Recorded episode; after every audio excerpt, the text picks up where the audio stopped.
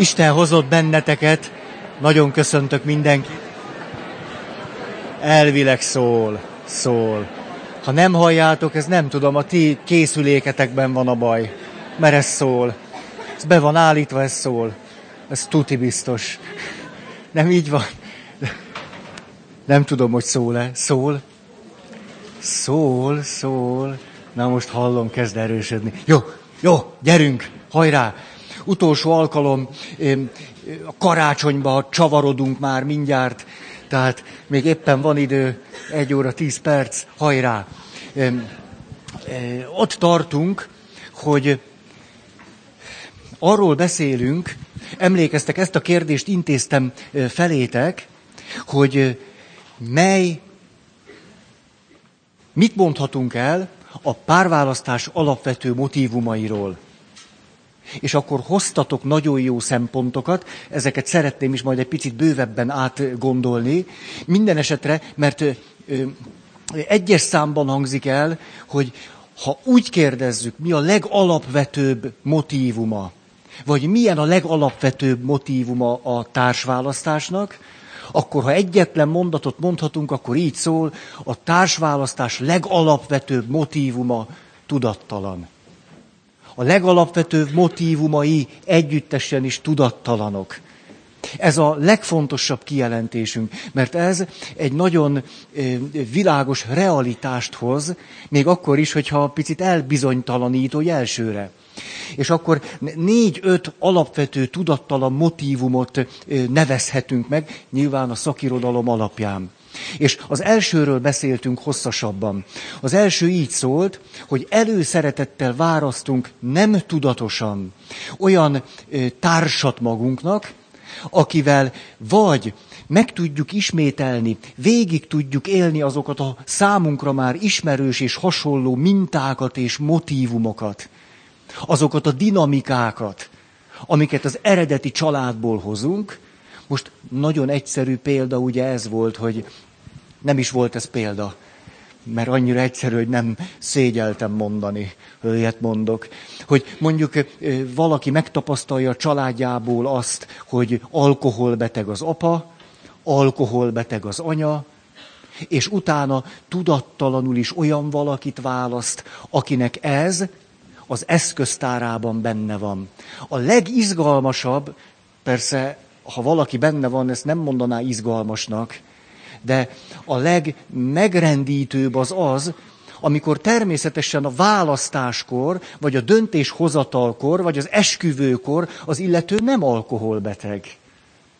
Csak bent van a repertoárban. Hogy tudattalanul is tudunk egy olyan valakit választani, akivel kapcsolatosan ott van a lehetőségek között, hogy ez így meg fog tudni történni. Hát nyilván pofon egyszerű lenne, hogyha látom, hogy az édesapám alkoholbeteg, és akkor olyan valakit keresek, aki nem alkoholbeteg. Ha ez ilyen egyszerűen működne. Inkább eltelik öt év, meg tizenöt. És egyszer csak sajátosan ugyanaz a sors kerekedik ki a következő kapcsolatban is. Már most a szüleimre, vagy a szüleimhez képest következő kapcsolatban is a sajátoméban. Ez volt az egyik esete ennek, a másik esete pedig az, amikor nem egy meglévő mintához keresünk valakit, és egy olyan valakit találunk, aki éppen, éppen mint a puzzle, pontot jól bele fog, bele fog tudni simulni. Abba a rendszerbe, abba az összefüggésbe, abba a dinamikába, abba a belső logikába, amit én már ismerek. Ha nem, hogy én magam a saját magatartásommal, a saját életemmel, a, a kapcsolódásommal teremtem meg, és hozom létre azt a helyzetet, ami számomra már nagyon ismerős. Ilyenkor tulajdonképpen nem is szükséges, hogy az a másik valaki egy nagyon speciális valaki legyen, mert ha én bárkivel nekiállok őrült módon és indokolatlanul féltékenykedni, ehhez nem kell valami csodabogár partner nekem, előbb-utóbb elég valószínűen hasonló reakciókat fogok kapni. Vagyis ellehetetlenül a kapcsolat. Itt akkor e, tudattalanul nem egy nagyon sajátosan olyan valakit keresek, akivel meg lehet ismételni a már ismert dinamikát, hanem én magam ismétlek meg egy dinamikát, folyton folyvást, és a másik ennek a világnak, a rendszernek a részévé válik. És nagy valószínűséggel előbb-utóbb megelégeli. Vagy úgy, hogy elhagy, vagy úgy, hogy megcsal, de valamiképpen beteljesíti az én magatartásmódomból fakadó következményeket. És ide tartozik még egy variáció, ez pedig az, hogy pont olyan valakit keresek, nem tudatosan, akivel ott tudom folytatni a személyiség fejlődésemet, ahol a szülői házban abba hagytam. Akivel valamiképpen azok a dinamikák, azok az összefüggések, az a, az a logika úgy föl tud állni, hogy az én képességeimnek ez pont megfelel. Nincs nagyon alatta, nincs nagyon fölötte hanem úgy, úgy pont, pont onnan, onnan lehet vinni a további történetemet. Ez az első szempont, ezt most ismétlésképpen hoztam ide nektek. Hogy van bennem egy izgatottság, mert olyan sok izgalmas dolog van, hogy jaj, és nem jut már rá idő. Sajnos nem, idén, idén már nem jut rá idő. Jövőre kell, hogy elővegyük ezeket a rettenetesen izgalmas dolgokat. Na, szóval, a második. A második az, amikor van bennem egy nem tudatos ösztönző erő és vágy, hogy olyan valakit találjak, akinek az én életemhez hasonló, a, most mondjuk így a, a belső élet története, vagy a, a belső, a, a családban megtapasztalt dinamikának a tapasztalása valahogy nagyon hasonló ő vele. És akkor olyan érzésem van, olyan tapasztalatom, hogy mi nagyon megértjük egymást. Hogy te is valami hasonlóban vagy, mint én. Vagy legalábbis tudunk úgy illeszkedni, hogy ez nagyon hasonló tapasztalások mentén tud történni. Például, hogy én nekem van egy, egy alapélményem és alaptapasztalatom arról, hogy hát a, a, a saját érzések nem fontosak.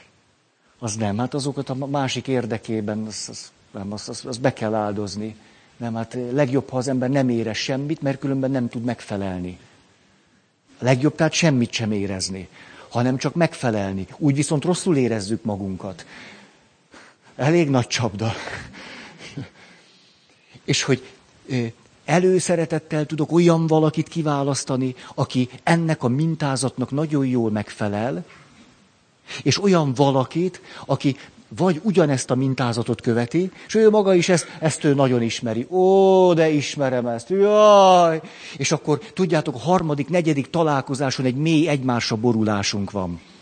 Az ötödiken, nem az elsőn, másodikon. Tehát valahol az elején ugye klasszikus ismérve, mikor úgy valami elindul két ember között, hogy nem tudom, mondjuk van egy, van egy ilyen pálferis buli, így mondják, nem? Valahogy által, így, így, így. Na és akkor, és ott leülök valakivel, beszélgetek a három perc múlva, hát jó, jó, hát jó, jó. Jó, és akkor elkezdek gondolkodni, most egyek, igyak, vagy kimenjek, bemenjek, ez most meddig ideig fog tartani. Ugye ez néhány perc alatt ilyen gondolataink könnyen tudnak támadni.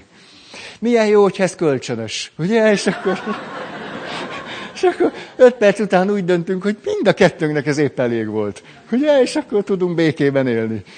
Ugye, magunkkal is, meg egymással. De mi történik akkor? Eljössz egy Pálferis bulira, mondjuk, és akkor leültök egy kis kóla mellett, az, az, az más is lehet, de az nehezíti a helyzetet. És akkor, ahogy úgy beszélgettek, így egyszer csak kikapcsol az időérzék. És valami, hát ilyenkor szoktuk ezt mondani, hogy hát ez hihetetlen. Hát ez, ne, ez hihetetlen. Nem, nem, nem is tudom már, már öt perc után nem tudom szavakba kifejezni, hogy mi történik. Ez stimmel? Hát, hát akkor ó, persze, hogy tudattalan dolgoknál vagyunk. Öt perc után valami ilyesmi, ez, elvesztettem az időérzékem, valami, valami tök jó, vagy tök jó, hát ez, ez tök jó. Egészen nem tudatos egymásra hangolódás történik, és elkezdjük egymást fél szavakból megérteni. Hát ezt mindenki ismeri. Legalábbis az az érzésem, hogy pont érti. Ez hihetetlen. Ezt így mond, mondom neki, és teljesen vevő rá. Na, nagyon ott van. És ez kölcsönös, hogy éjfél, egy, kettő, hú, hazakísérhetlek? Ez a... Hát, de, most, most egy-két empatikus zsenit leszámítva, azért bizonyára nagyon hasonló élettapasztalatokra szükségünk van ahhoz, hogy valakit ennyire kezdjünk tudni érteni. Hogy értjük, hát mikor mondjam, hát e, tudom, hogy e, tudom, tudom, jaj, de tudom, jaj, de nagyon tudom. Ugye, és hogyha a hevültségemben mondom, ne is mond. Hát, e, és ilyenkor olyan érdekes ez, hogy az se zavar minket, ha a másik a szavunkba vág. Mert azt mondja, de ne is mond, és kéz, hát velem meg, hát pont ez az. Basszus kulcs! Hát pont ez az! Látjátok, szavaink sincsenek. Mi? Hát ez nem igaz. És mikor este vagy van haza kísérés, vagy nem, ez, ez lényegtelen, mert már egymásra vagytok cuppanva belül. Már megvan a cupp, és este lefeksz, és nem vagy nagyon álmos, de tök mindegy, ha nagyon álmos vagy, akkor se bírsz elaludni. Ah, nem jóját. Hát ki ez? Hogy? Hogy van ez? Hogy került ez ide? Hogy, le, hogy lehet ez? Hogy, hogy eddig nem vettem észre? Hát itt ült máskor is, és ez, ez egyszer csak ez megtörténik. Na, le tudtam írni. Jaj, egész kedvem lett hozzá. Na, szóval...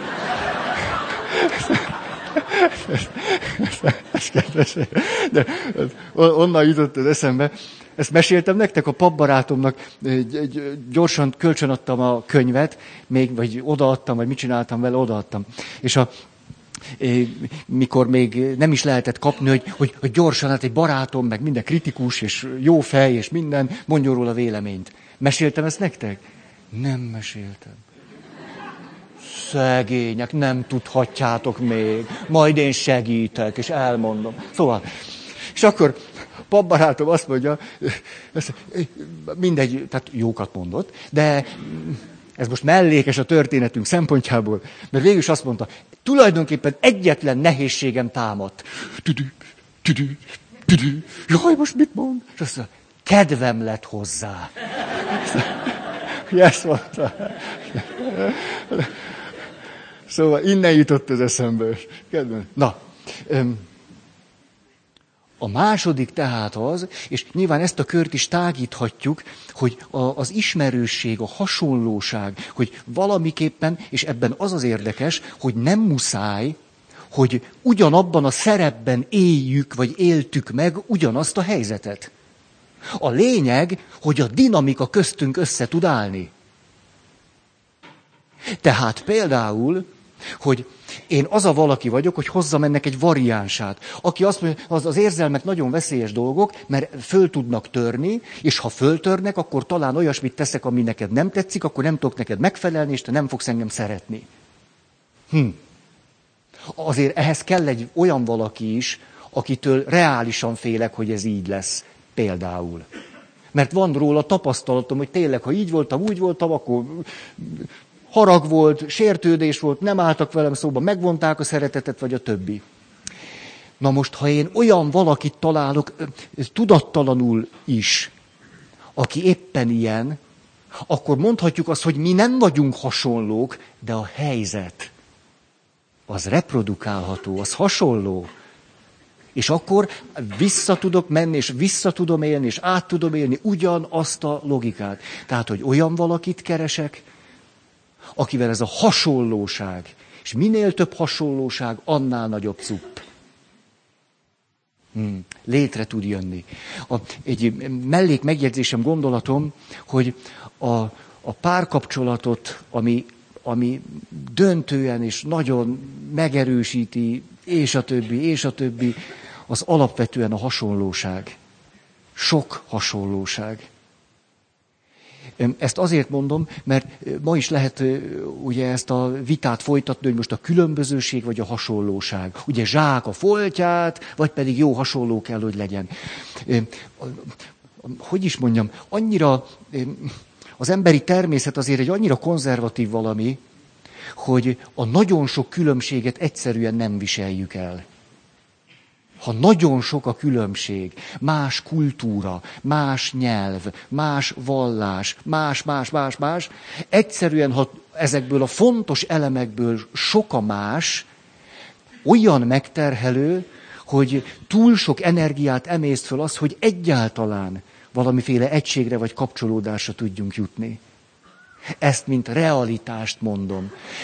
Most már kevésbé hallok ilyen kérdéseket, lehet, hogy öregszem, vagy nem tudom miért van, vagy már nem bíznak bennem az emberek, de régebben, mikor még fiatalabb voltam, és mások is fiatalabbak voltak valahogy, tehát együtt voltunk fiatalabbak, akkor nem egyszer hallottam ilyen kérdést, hogy 19 és 20 vagy 16, az, hogy, hogy Feri atya, most mondd meg nekem, szabad-e egy reformátussal?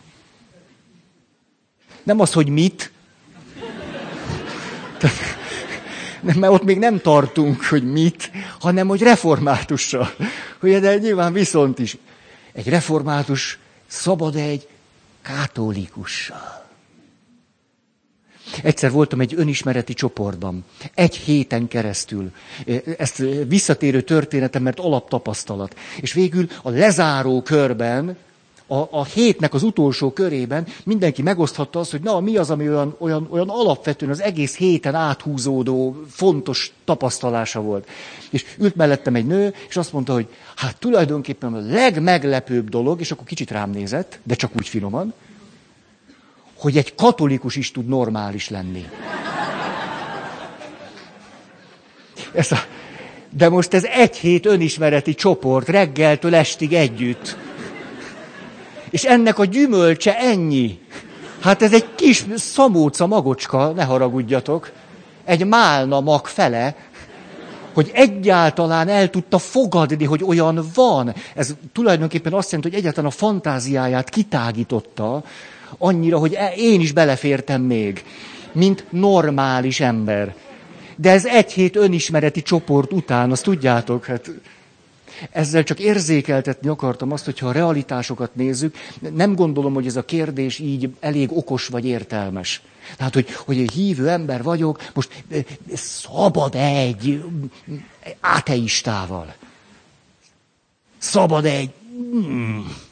Nem, e, ennek a kérdésnek így nem sok értelmét látom. Érdemese? Érdemese? Működik-e? Megye? Élhető-e?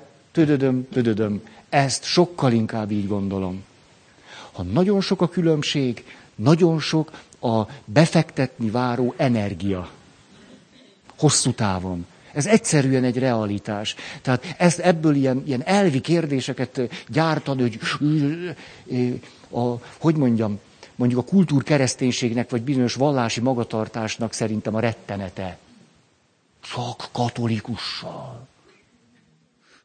Csak ateistával. Hogy hát ilyen is nem, ateista ők csak olyannal. Ez fájdalmasnak tartom. Ne, szerintem nem ez a kérdés. Ez nem elvi kérdés, hanem éppen gyakorlati. Hogy tudok-e vele hosszú távon élni, vagy nem. Túl sok különbséggel nehéz együtt élni. Na, ezt most már nem, nem. Tehát azt hiszem, ezt elmondtam, ugye? Most megpróbálok visszaemlékezni, hogy mondtam-e már, de úgy rémlik, hogy erről már beszéltem. Na. Öm, akkor folytassuk innen, ahol elejtettem a fonalat. A különbség, vagy különbözőség. Hmm, de azt mondják a kutatók meg a kutatások, a különbség és a különbözőség tud dinamikát hozni a kapcsolatba. Életet, történéseket, egyáltalán dinamizál bennünket, aktivál minket. Ezért valamennyi különbözőségre, ahhoz, hogy általában, ahhoz, hogy ott egy meghitt kapcsolat legyen, amivel meg, megelégedettek tudunk lenni, de ez egy vitalizált kapcsolat legyen, szükségünk van valamennyi különbségre, a vitalizált, ez így, így nevezik, hát élettel teli, nem? Vagy, vagy életadó, éltető, szóval ilyen életes életes kapcsolathoz valamennyi különbözőség szükség van. Jung azt mondja, ezt, ezt is minden évben elmondom, mert nagyon szemléletes és nagyon, nagyon bölcs. Miközben, mikor választotok, meg döntötök, fütyülni szoktatok rá. Ez pedig az, hogy tulajdonképpen nem tudatosan, és milyen érdekes volna, ha esetleg tudatosan hoznánk meg azt az alapdöntést, hogy kevés különbség, kis dinamika, nagyobb biztonság, több különbség, nagyobb dinamika, nagyobb szenvedély, kevesebb biztonság. Ez tulajdonképpen egy alapdöntés hogy én milyen párt választok. Az egyiknél, ennél a biztonságos, sok hasonlóságot adó, az az élménye a feleknek, hogy ők nagyon erős baráti kapcsolatban vannak. Leginkább ezt szoktátok mondani, hogy hallom tőletek, hogy olyan nagyon jó barátok vagyunk. Olyan igazán nagyon jók. Akár éveken keresztül el se tudom képzelni az életemet nélküle. De össze vagyunk forva, vagy ennek aztán lehetnek variánsai. De hogy ez szokott a kulcsmotívum elő, hogy olyan igazi barát. Na most, ha, ha, ha kezd kilógni a lóláb, már hogy itt valami, valami, mondjuk a középvonaltól eltérés van, akkor, és kezdek valahogy elégedetlen lenni a devitalizáltsággal, föl is állok, ez egy olyan komoly szó, akkor pedig már nem azt mondom, hogy, hogy nagyon mély barátok tudunk lenni, azt mondom, valahogy olyan testvéri.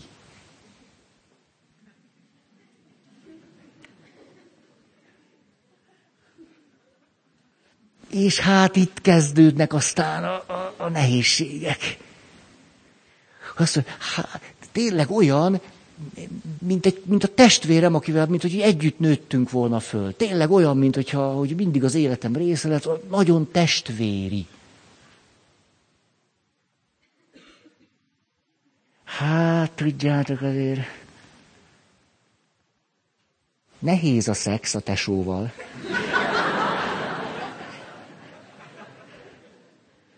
Na nem, mint ha próbáltam volna, nem, nem. Eszembe sem volt saját tapasztalatot gyűjteni. Csak úgy mondom. Mert ezzel tudom ennek a helyzetnek a fonákját leginkább kifejezni. Hát ha nagyon baráti, nagyon harmonikus, nagyon testvéri, olyan nagyon ismerős, olyan nagyon biztonságos, akkor mi van a szexel?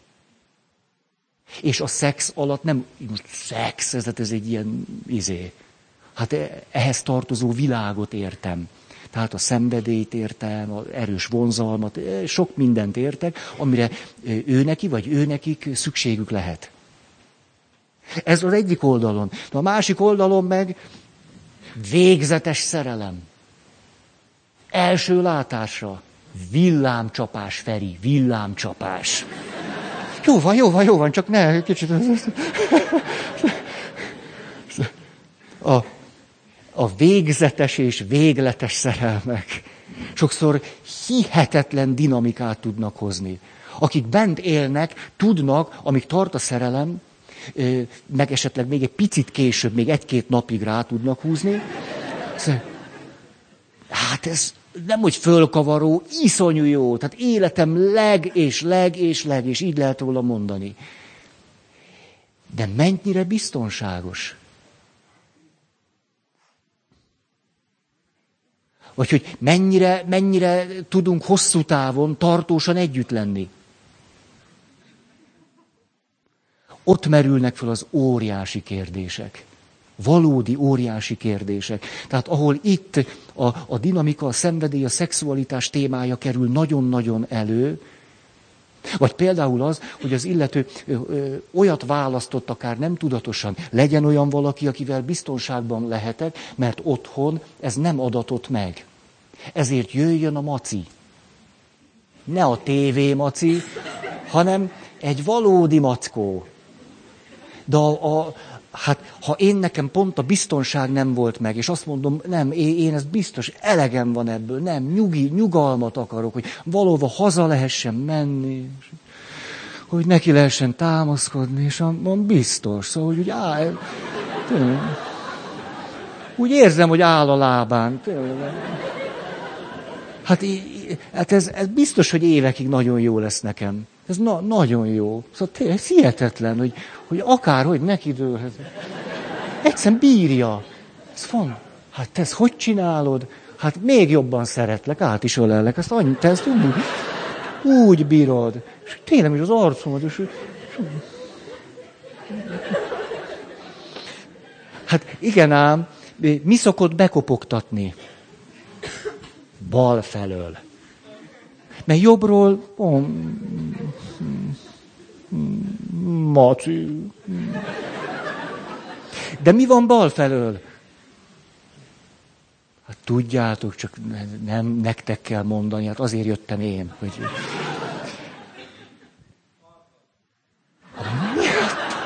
Tarzan! Ez jó. Jó, igen, már akkor, ha én föl akarom venni azt a lendületet, hogy Tarzan érkezik az indán, úgy mondanám, hogy a szerelem kopogtat be bal felől. Csak azt mondom, a nem jóját, hát itt az biztos, hogy van biztonság. Csak, csak mi van a szerelemmel? Halljátok? Ennek felesett réfa. Jól el vagyok egyébként. És a, hát most tényleg ilyenkor mindig, ugye, hogy eh, múltkor ezre a jó rátaláltam, hogy ahhoz, hogy valamiről beszélni tudjunk, el kell távolítani, az eltávolítjuk könnyen, eh, ugye olyan érzésünk lesz, hogy, hogy, hogy nincs együttérzés, vagy, hogy, hogy, de most ha visszatérek ide, akkor, akkor hát itt ez egy hihetetlen fájdalmas dilemma lehet. Hát képzeljük azt el, hogy valaki eh, nem tudatosan a család történetéből kiindulva nagyon fontos volt neki a biztonság, és szeretik egymást Hát szeretik egymást. Hát ilyet én is. Nem is csoda. Ő még mindig itt, és látjátok, én össze-vissza megyek, ő marad. Hát, hát ez nagyon, ez a stabilitás engem lenyűgöz. Kicsit le is vesz a lábamról. Csak az jobban. Szóval, mikor valakinek 35, 40, 45 évesen X gyerekkel áll be ez a helyzet, Hát, hát az, egy, az egy döbbenetes, erőteljes dilemma, egy életet fölforgató helyzet. Hát szóval ebből a szempontból úgy meg picit sincs kedvünk ezen, még csak mosolyogni se, hanem azt mondja, hogy a nem jóját, húha, hogy ez, ez, egy, ez egy realitás. És a Másik oldalon pedig szintén ugyanez a dilemma áll föl, hogy valaki eh, a romantikus és szenvedélyes szerelembe esés, mert csak ezt lehet mondani, nem az, hogy ő szerelmes, bele esett, mint a maci a verembe. Bele esett, ő bele zuhant, nem esett, zuhant. Hogy ő ilyen zuhanásról, zuhanásra, szenvedéről, fölkavarodásról, extázisra él. És egyszer csak azt, mi, mit csináltam én eddig az életemmel? Ez mi, mi volt ez? Hát mi, mi, mi, mi történt én velem? Három férfi, négy gyerek, három vállás, mit csinálok? Mi, mi történt? Itt, itt ez. Tehát ahol itt, itt 40 évesen, vagy 45 évesen valaki hogy te jó ég, mit, mit tettem az élettel? Az életemben mit csináltam? Ugyanez a dilemma itt is, csak Pepitában. Te jó ég, mi, mit csináltam? És itt azt mondja, hogy, hogy most jöttem rá, hogy én boldogtalan vagyok. Most kisarkítva mondom.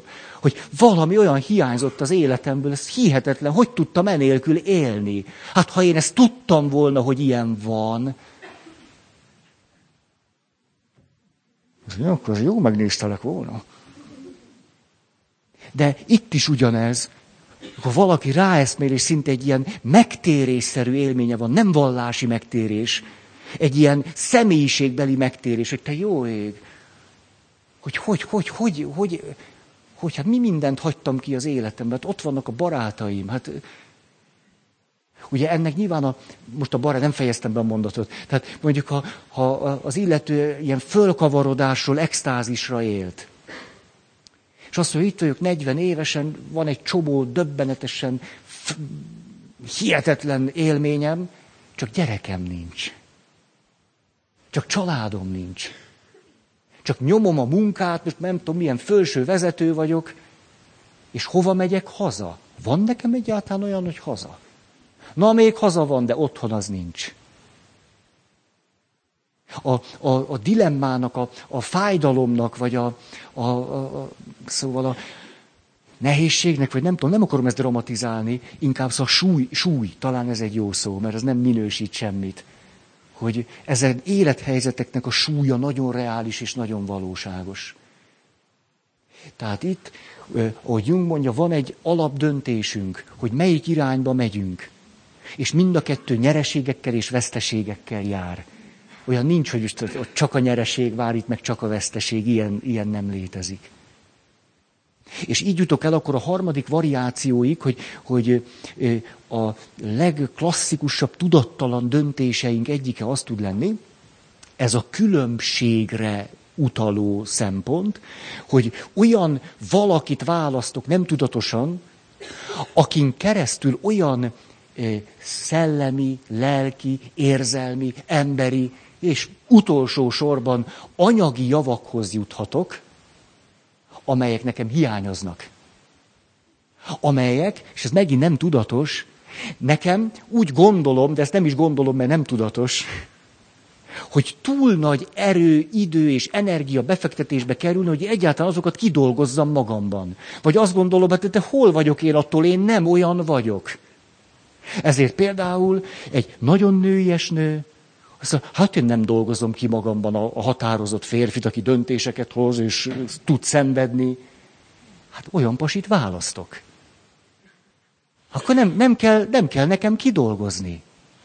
Hát ha egy olyan férfit tudok választani, aki az általam hiányolt belső kincsekkel rendelkezik, akkor én nekem nem kell ezeket magamban kimunkálni. Akkor a kapcsolat révén ezekhez az értékekhez hozzájutok. Mert én, én össze-vissza az érzelmeim teljesen elsodornak. De milyen jó, hogy itt van Gusztáv, mert az én Gusztávom, hát az úgy hallgatja ezt, olyan kedvesen mosolyog, olyan higgadtan mond három mondatot, és minden a helyére kerül. Egészségetekre.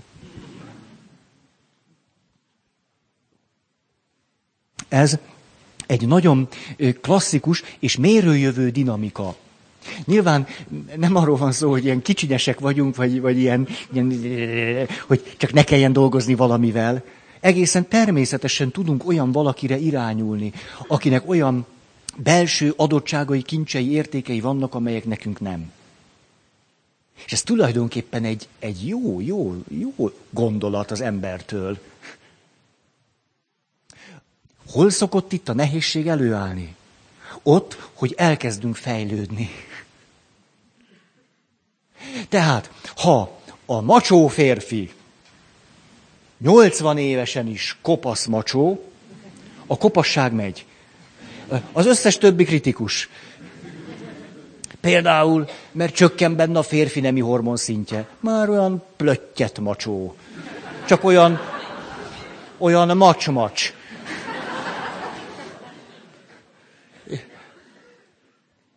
Szóval, ha másért nem, mert idősödünk, mert a hormonháztartásunk változik, mert biológiai adottságaink alakulnak, már ezért is szoktunk változni. És előbb-utóbb például a nő azt mondja egészségedre, és a nők előbb-utóbb szokták ezt mondani manapság Magyarországon, főleg kultúrköreinkben, hogy azért most már én is, én is számítok, most már az én is érek, most az jó, eddig voltam hamupipők, meg eddig voltam minden, most már azért, azért most már, most már. És egyszer csak azok a nagyon ö, csodás adottságok, tulajdonságok, képességek, minden, amit a férfin keresztül birtokolhattam, azok már miután itt is elkezdődnek kifejlődni, vagy elkezdem benyújtani az igényt, hogy én is tudok olyan lenni, vagy én is ezt érzem, most már késztetést is érzek, egyre kevésbé szimpatikusok a társamnál. Egyszerűen az a benyomásom lesz, hogy az már akadályozza az én kibontakozásomat. És a férfinél ugyanígy történhet. A fejlődés azért valamiképpen, éppen azért, mert idősödünk, a tapasztalataink bővülnek, a biológiai adottságok változnak, bizonyos szempontból elkerülhetetlen. Ezért ez a helyzet is itt egy óriási dilemmát szokott szülni. Hát ez a Nóra történet. Ugye, hogy egyszer csak elég a babaházból. Elég. Azt mondja, eddig, eddig csinálta, eddig tartott, amit na most köszönöm szépen. A, igazán nagyon-nagyon klasszikus az, ahogy nők érkeznek, tek, ta, tak, ta, tam, nem, nem, nem, ta, tá, tál, és akkor én szeretnék fejlődni, mondja a nő, tízből kilencszer ilyet hallok, vagy tízből nyolcszor, én kész lennék erre, és én kész lennék arra, a férjem egy tappottat sem mozdul. Nem. Ez nehéz helyzetet teremt. Amikről eddig beszéltem, egyik se megoldhatatlan helyzet, csak most nem akartam előre szaladni, mert azt majd később akarnám mondani, amikor a kapcsolatban vagyunk már nagyon benne. Csak most odáig akarok menni, hogy na, ez bizony hihetetlenül nehéz helyzet tud lenni. Úgy mondja a lélektam, hogy az elkerülhetetlen szétfejlődés. De jó, ezt mondtad.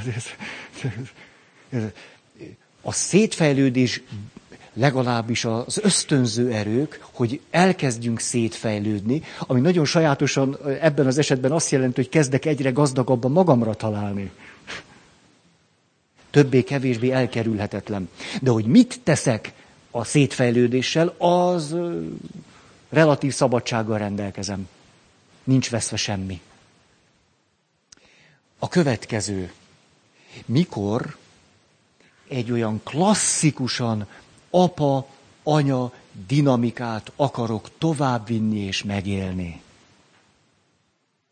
Vagyis én nekem volt egy annyira jó apám.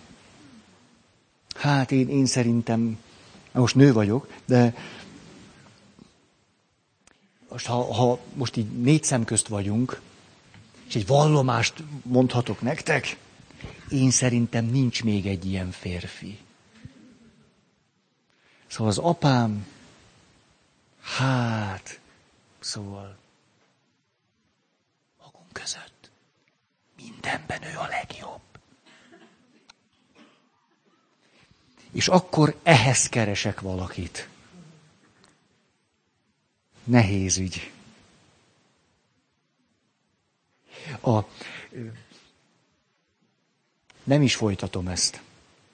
A, nyilván nagyon sok klasszikus dinamika tud lenni fiú és anya, lánya és apja között. Hát annyi megszámláltatlan, mint égen a csillag. Ezeket itt végig lehetne zongorázni, telje, ó, teljesen ö, fölösleges vagy értelmetlen. Rengeteg alapdinamika tud lenni. És itt van egy, egy nagyon, nagyon sajátos dolog, hogy ugye sokan vannak úgy, beszéltünk a, az alkoholbeteg férfiről, vagy a szenvedélybeteg nőről. És akkor ugye hozunk egy döntést, a döntés így szól, na pont olyat nem. Ugye ez is nagyon-nagyon, na olyat nem. Mi történik ott a mélyben? Az, amivel kapcsolatban azt mondtuk, hogy na olyat nem, árnyékként követ bennünket. Amikor valaki úgy dönt, hogy na olyat nem, és ez lesz a kapcsolat keresésének alapdinamikája, akkor valójában nem szabad még attól, amire azt mondta, hogy olyat nem. Mert amire azt mondjuk, hogy olyat nem, attól nem váltunk szabadok. Csak a függőségünknek az előjele változott meg. És az bennünket árnyékként követ egy egész életen keresztül. A Mondok egy példát, kettőt is rögtön, akkor az ellentétét is mondom. Hogy ne volna olyan, valaki egy olyan családból jön, ahol sok a gyerek. Hat gyerek, hét gyerek, nyolc gyerek, tíz gyerek. Ott volt a bulin az a pár, akiről éppen előtte beszéltem nektek, ahol kereszteltem a tíz gyereket. Ott voltak a bulin. Igen, eljöttek. Tök jó, nem? És a, na, és képzeljük el, hogy a tíz gyerekben, ből, ben, ből, ből, van egy olyan, aki azt mondja, hát ha egy pszichológus mondaná, biztos azt mondaná, hm. én relatív elhanyagoltságban szenvedtem. Hát ameddig a pszichológus nem mondta, nem tudtam, hogy ez az, csak úgy hiányzott ez az. Egy nagy családban lehetséges relatív elhanyagoltságban felnőni. Miközben kívülről minden nagyon tutinak fest. Belül kérdezzük meg őket. Öm, mi történik? Azt mondja, na hát, hát az biztos, hogy, hogy én ilyet nem. Egy vagy kettő? Egy vagy kettő. És mi történik, mikor 50 évesek, akkor egyszer csak kezd neki derengeni valami, hogy tulajdonképpen ezt én akartam így? Ez, ez, ez, ez volt nekem a jó, hogy egy vagy kettő? És rájön, hogy valójában ez nem, nem is egy valóban szabad döntés volt. Mert a döntés csak arról szólt, én azt nem akarom, amit megéltem otthon. De most, hogy 50 évesen meg kell tulajdonképpen most, hogy mi is lenne jó, hát négy-öt gyerek. Tulajdonképpen az lenne a jó. Mert most eljutottam magamhoz. És ugyanez fordítva, mikor valaki azt mondja, rettenetes volt, egykeként nőttem föl, elhatároztam már korán. A gyerek a boldogság. Tik, tik, tik, tik, tik. És akkor ül, 50 évesen, azt mit csináltam én? Ezt, ezt akartam én? Vagy ez, ez jó, jó ezeknek a gyerekeknek? Hát egy, azt egy, talán lehet, hogy megszállott voltam. Bizonyos értelemben. Mert iszonyat erőt adott nekem, hogy sok gyerek, sok gyerek, az semmiképp, amit én, hogy ott egyedül unatkozom, karácsony, rettenetes, a, a tűlevelekkel játszottam. Ezt nem. Ezt, van, egy, ez a, van egy kedves család, ismerőseim, képzeljétek el, nagyon jó fejek. Van azért ilyen. Jó, hát ritka-ritka, de arról a néhányról szoktam beszélni. És a, na, és azt csinálják karácsonykor, hogy elég nagy a nappaliuk, tudnak venni nagy fát. Nagy fa, és a nagy fának ugye nagy alsó ágai vannak. És szenteste után a gyerekek ott alszanak. A fa alatt. Le vannak rakva a polifómok, minden, is ott al- alusszák végig egészen azt a két-három hetet, ameddig a fát le nem bontják. Egy tesó, egy ajándék, így, így valahogy.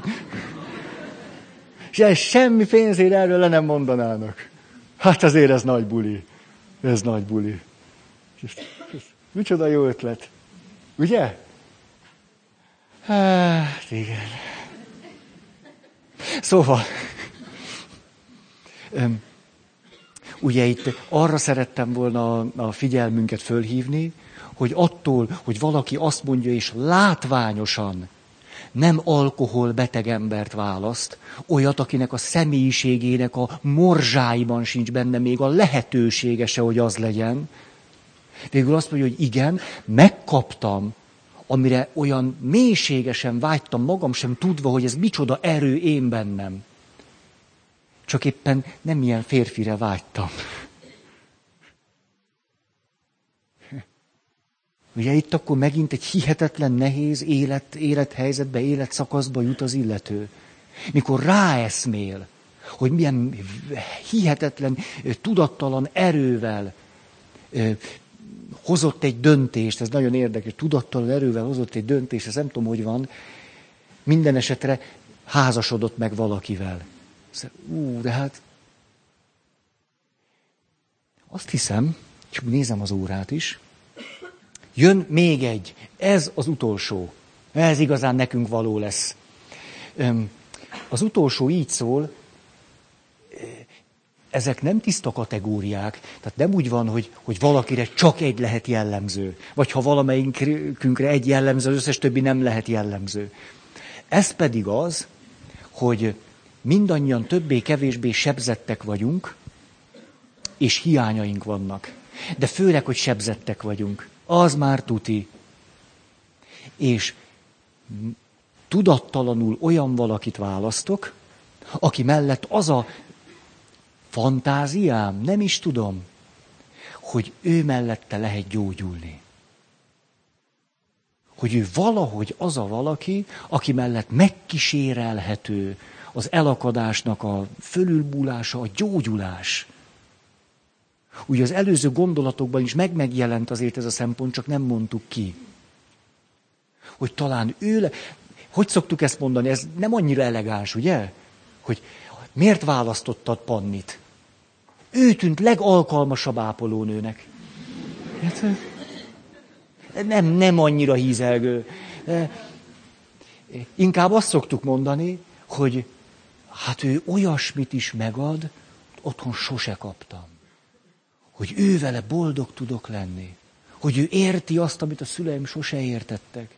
Hogy neki elég volt egyszer mondani, és tudta, amit a szüleimnek hiába mondtam hogy ő rögtön megértette, hogy az micsoda fájdalom.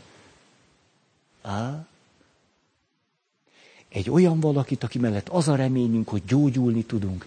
Ez azonban a szakemberek egy következő mondatot, na, most belezavarodtam, ez a mondat, ez már ez kuka. A szavakat nyugodtan még ki lehet venni belőle, és akkor összeállítom belőle egy normális mondatot.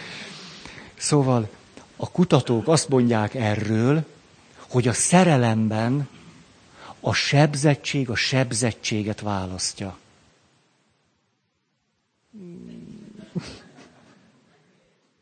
Nem akarom a kutatókat. Hogy a sebzettség hihetetlen érzékenységgel találja meg a neki illő másik sebzettséget. Ez itt akkor két gondolat egymás mellett. Olyan valakit, akivel kapcsolatban az a ki nem mondott vágyam, hogy te majd meggyógyítasz engem, majd te meg tudod adni, ami nekem hiányzik, majd te. A másik pedig, hogy a sebek valahogy összetalálkoznak egymással. Ez alatt azt is érthetjük, hogy nem egyszer azt látjuk, hogy ha valaki nagyon sebzett, bizonyos értelemben annak a minőségében egy hasonlóan sebzett társat választ. Így aztán nem is könnyű a kapcsolat. A seb a sebet találja meg és keresi. És a sebek összeillenek, és mondanék rögtön egy ellenvetést, amit meg is cáfolok. Mert ez egy közkeletű ellenvetés. De sokan azt mondják, jaj, ez nem is úgy van. Hát hogy ne ismernénk olyanokat, hogy van egy ilyen igazán normális pasi. Ez jutott eszembe.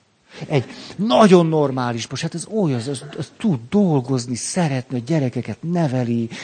Hát ez, ez egy csoda. Hm. Egyszerűen nem tudom elképzelni, hogy választhatta azt a nőt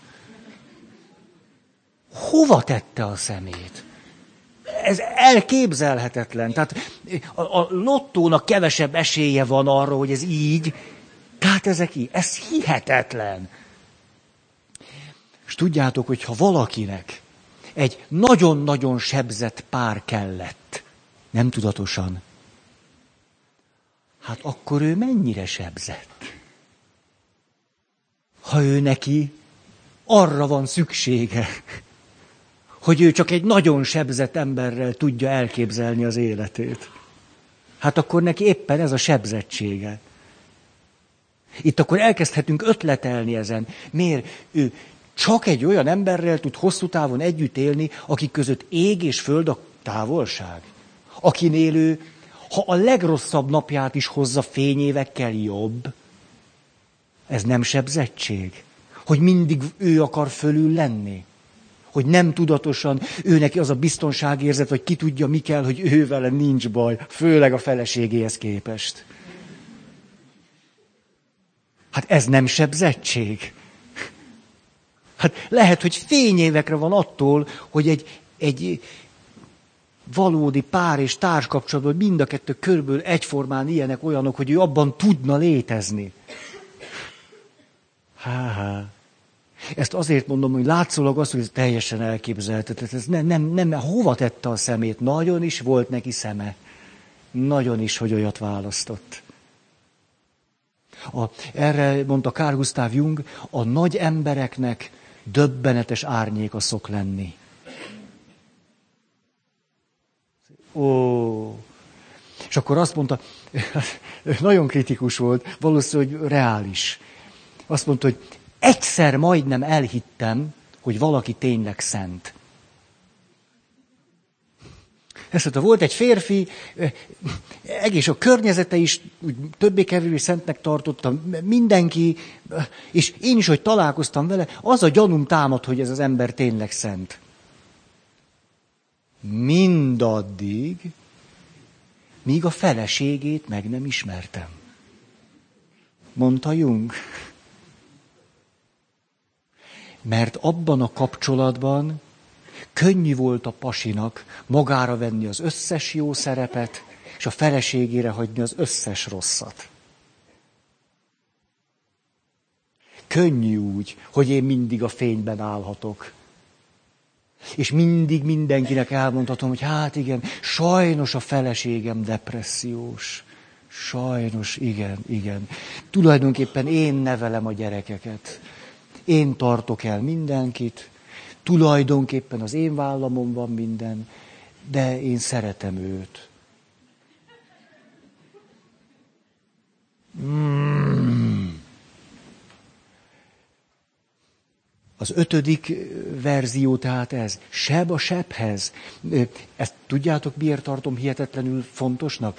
Mert a másik sebzettségére elég könnyen rá tudunk találni.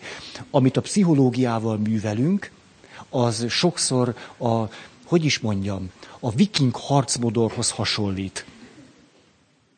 Tehát bármilyen eszköz, ami fegyvernek használható, jó lesz arra, hogy téged üsselek, vágjalak.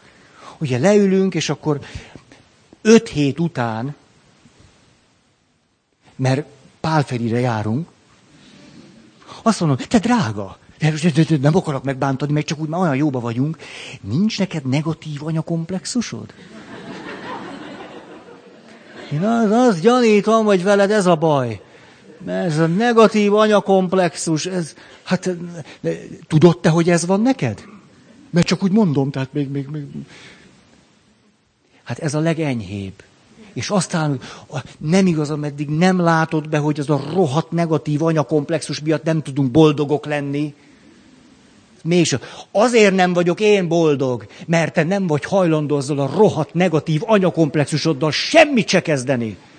Ez mikor lát? És te még ide jársz? Minek jársz te ilyen alkalmakra? Most ezt mondd meg nekem, csiklandoztatni a füledet? Ezért jössz ide?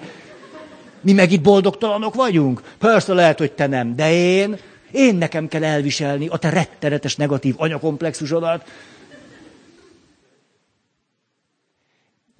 Nagyon csúnya, úgy magunk között szólva. Hát nagy kunst bizonyos ismeretek birtokában úgy nézni a másikat, és azt mondani, ez az. Hát van vinyetta elég az ápizban. Tük, tük, tük. Hát, ha már olyan okosak vagyunk, és azt mondjuk, hát a te rettenetes negatív anyakomplexusod, most amennyire az elviselhetetlen, tűrhetetlen ordítóan megvan, ott van nálad a párja. Azt harabd el. De a feleséget torkát. De azt egyáltalán nem. Te ugye beálltál a dicsfénybe, és azt mondod, hogy hát, hát ez így nem tudunk ötről hatra jutni. Ezzel, ezzel a komplexus gyárral.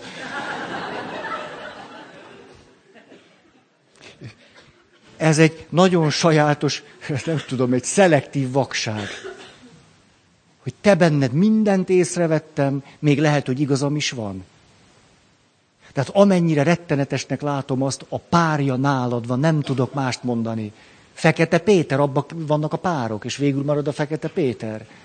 Na, az, ott a párja nálad. Hát a lehető legsürgősebben izgalmas volna rájönni, hogy hogy, hogy illeszkedsz te ahhoz az elviselhetetlen negatív anyakomplexushoz.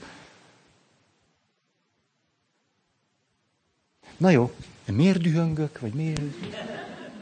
Na, biztos azért az advent annyira nem megterhelő időszak, hogy tele vagyok energiával. Ma is egész nap pihentem, és legalább kiélem magam, biztos ez. Inkább nem mondom el, hogy ilyenre szokták mondani papi körökbe, hogy csak papot nem szenteltem. Már más minden volt. A, jó, aj, hogy, hogy menjek tovább, most kérek egy kis időt, lenyom a sakkórát, és akkor te gondolkozzál. Hogy, hogy menjek tovább itt a... Megvan, megvan. Jó, köszönöm az időt, nagyon rendesek vagytok. Ezért szeretek ide járni. Egy ilyen hömpölygő együttérzést éreztem. Hogy akkor most ezek voltak a tudattalan motivációink, a tudattalan vágyaink. A tudattalan motivumai a párválasztásnak. Öt ilyet mondtunk, öt, öt klasszikusat, lehet, hogy van a hatodik, meg ezen. Nem kell belőle vizsgázni, tehát... Hmm. Ezekhez a motivumokhoz milyen gondolatot volna érdemes kapcsolni. Emlékeztek, a, a néhány héttel ezelőtt, több alkalomig a, a, arról beszéltünk, hogy mi az, ami engem egyáltalán már az odafelé vezető úton megakaszthat.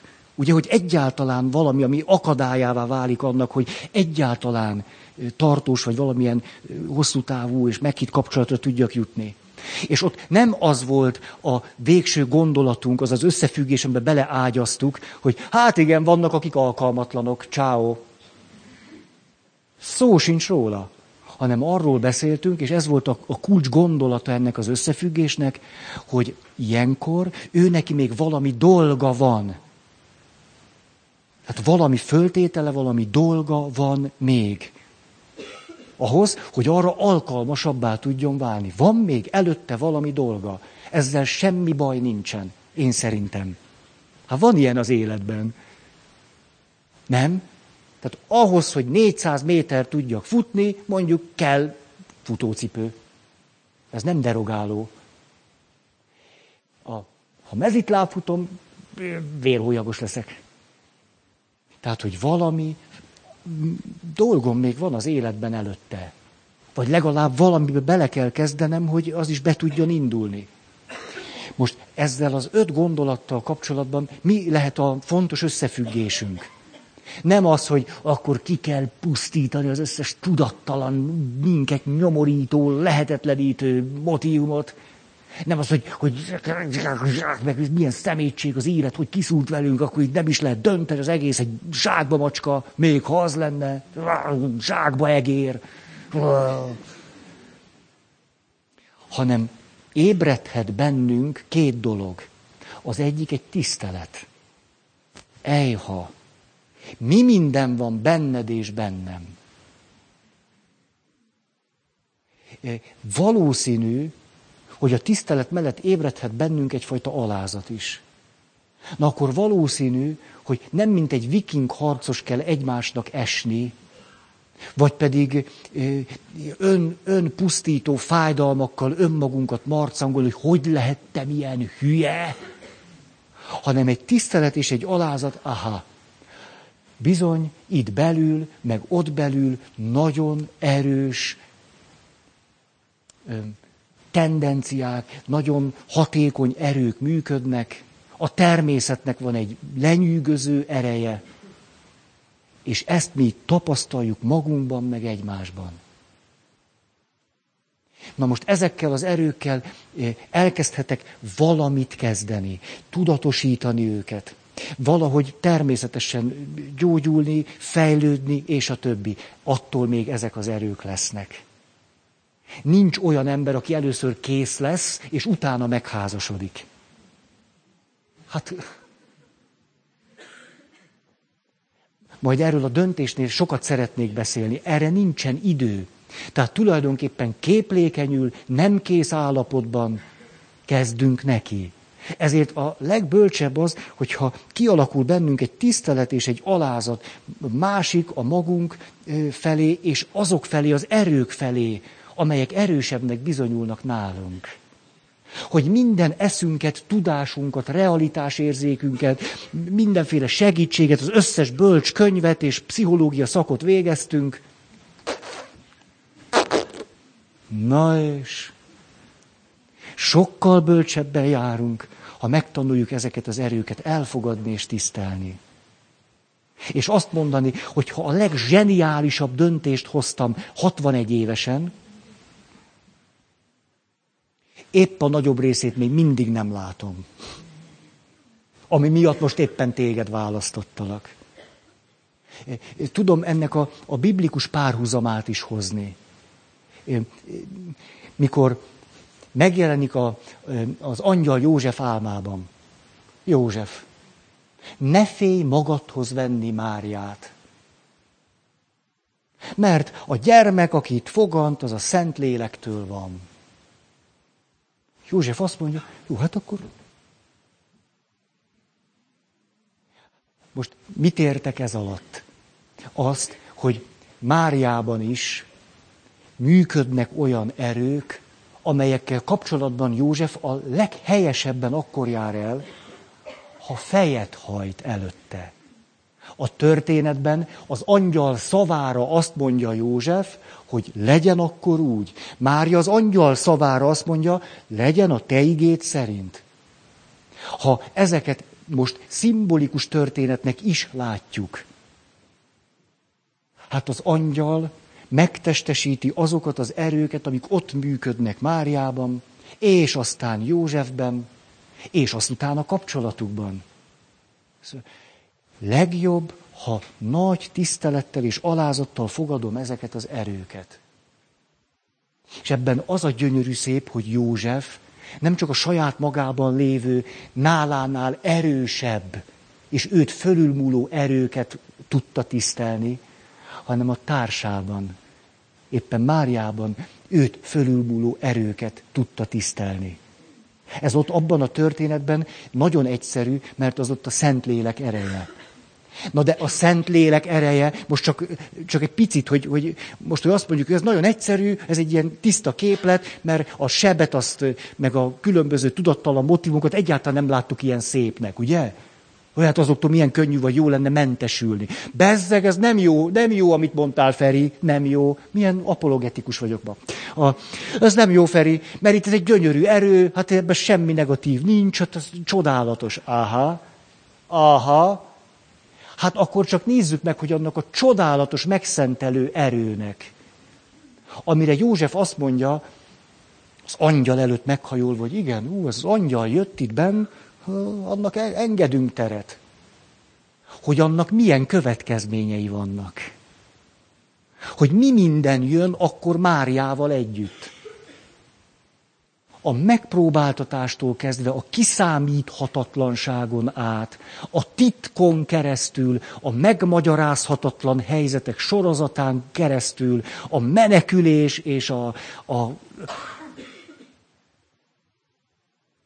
pedig Éppen azért jó példa ez, mert azt látjuk, hogy ha ezek az erők bennünk, kizárólag szent erők lennének olyan értelemben, mint hogy a Szentlélek erejét szentnek hívjuk, még akkor se lehetne az életet megúszni.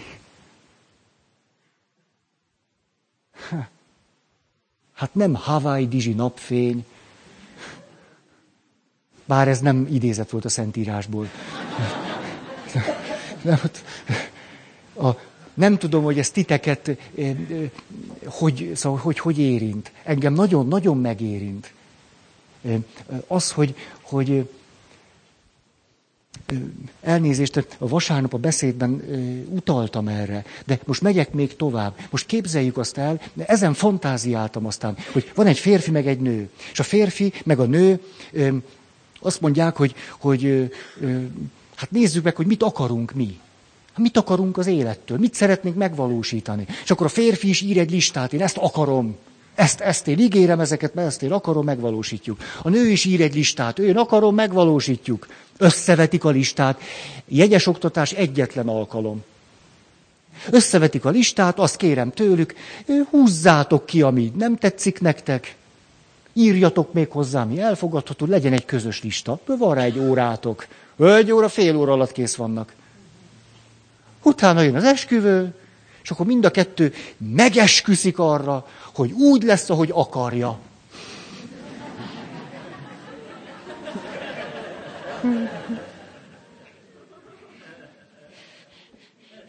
Szörös. Hát, hogy lenne már ilyen élet? Hogy valaki úgy élhetné az életét, ahogy ő akarja. Hát olyan emberi élet nincsen, hogy úgy élem, ahogy akarom. Hát úgy éljük, ahogy akarjuk, úgy kezdődik, és aztán úgy éljük, ahogy lesz. Úgy éppen. Most a leszben mi magunk is benne vagyunk, de az élet éppen olyan, amilyen lesz. Nem olyan, amilyennek akarjuk. Ezért hogy volna lehetséges az, hogy egy férfi meg egy nő ezekkel a tudattalan motivumokkal, hogy most akkor mindent tudatosítunk, mindenből kigyógyulunk, és akkor mindent kézbe veszünk, és akkor aztán hú ugye Kofi Gézát idéztem már. Mama, ha ébren van, miért alszik? Ezzel egy karácsonyi ajándékot akartam nektek adni.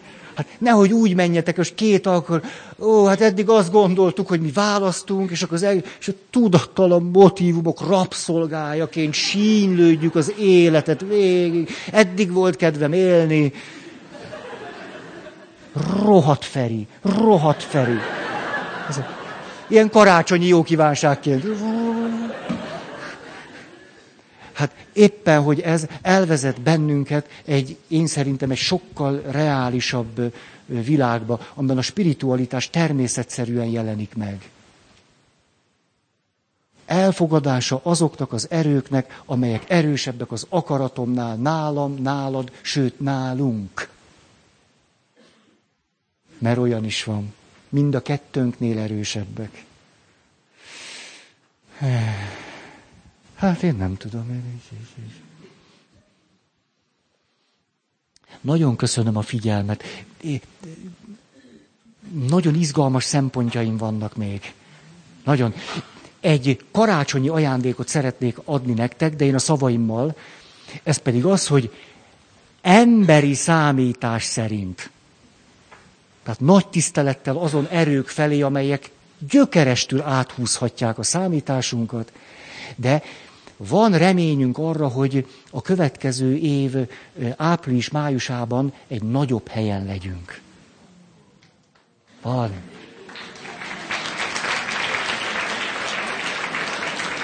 És meg is súgom nektek, hogy hol. Hogy egy picit tudjatok akklimatizálódni. A millenáris parkba valószínű, hogy ott tudnánk lenni. Ami ugye Moszkva tér közel, tudodom, 750 férőhely.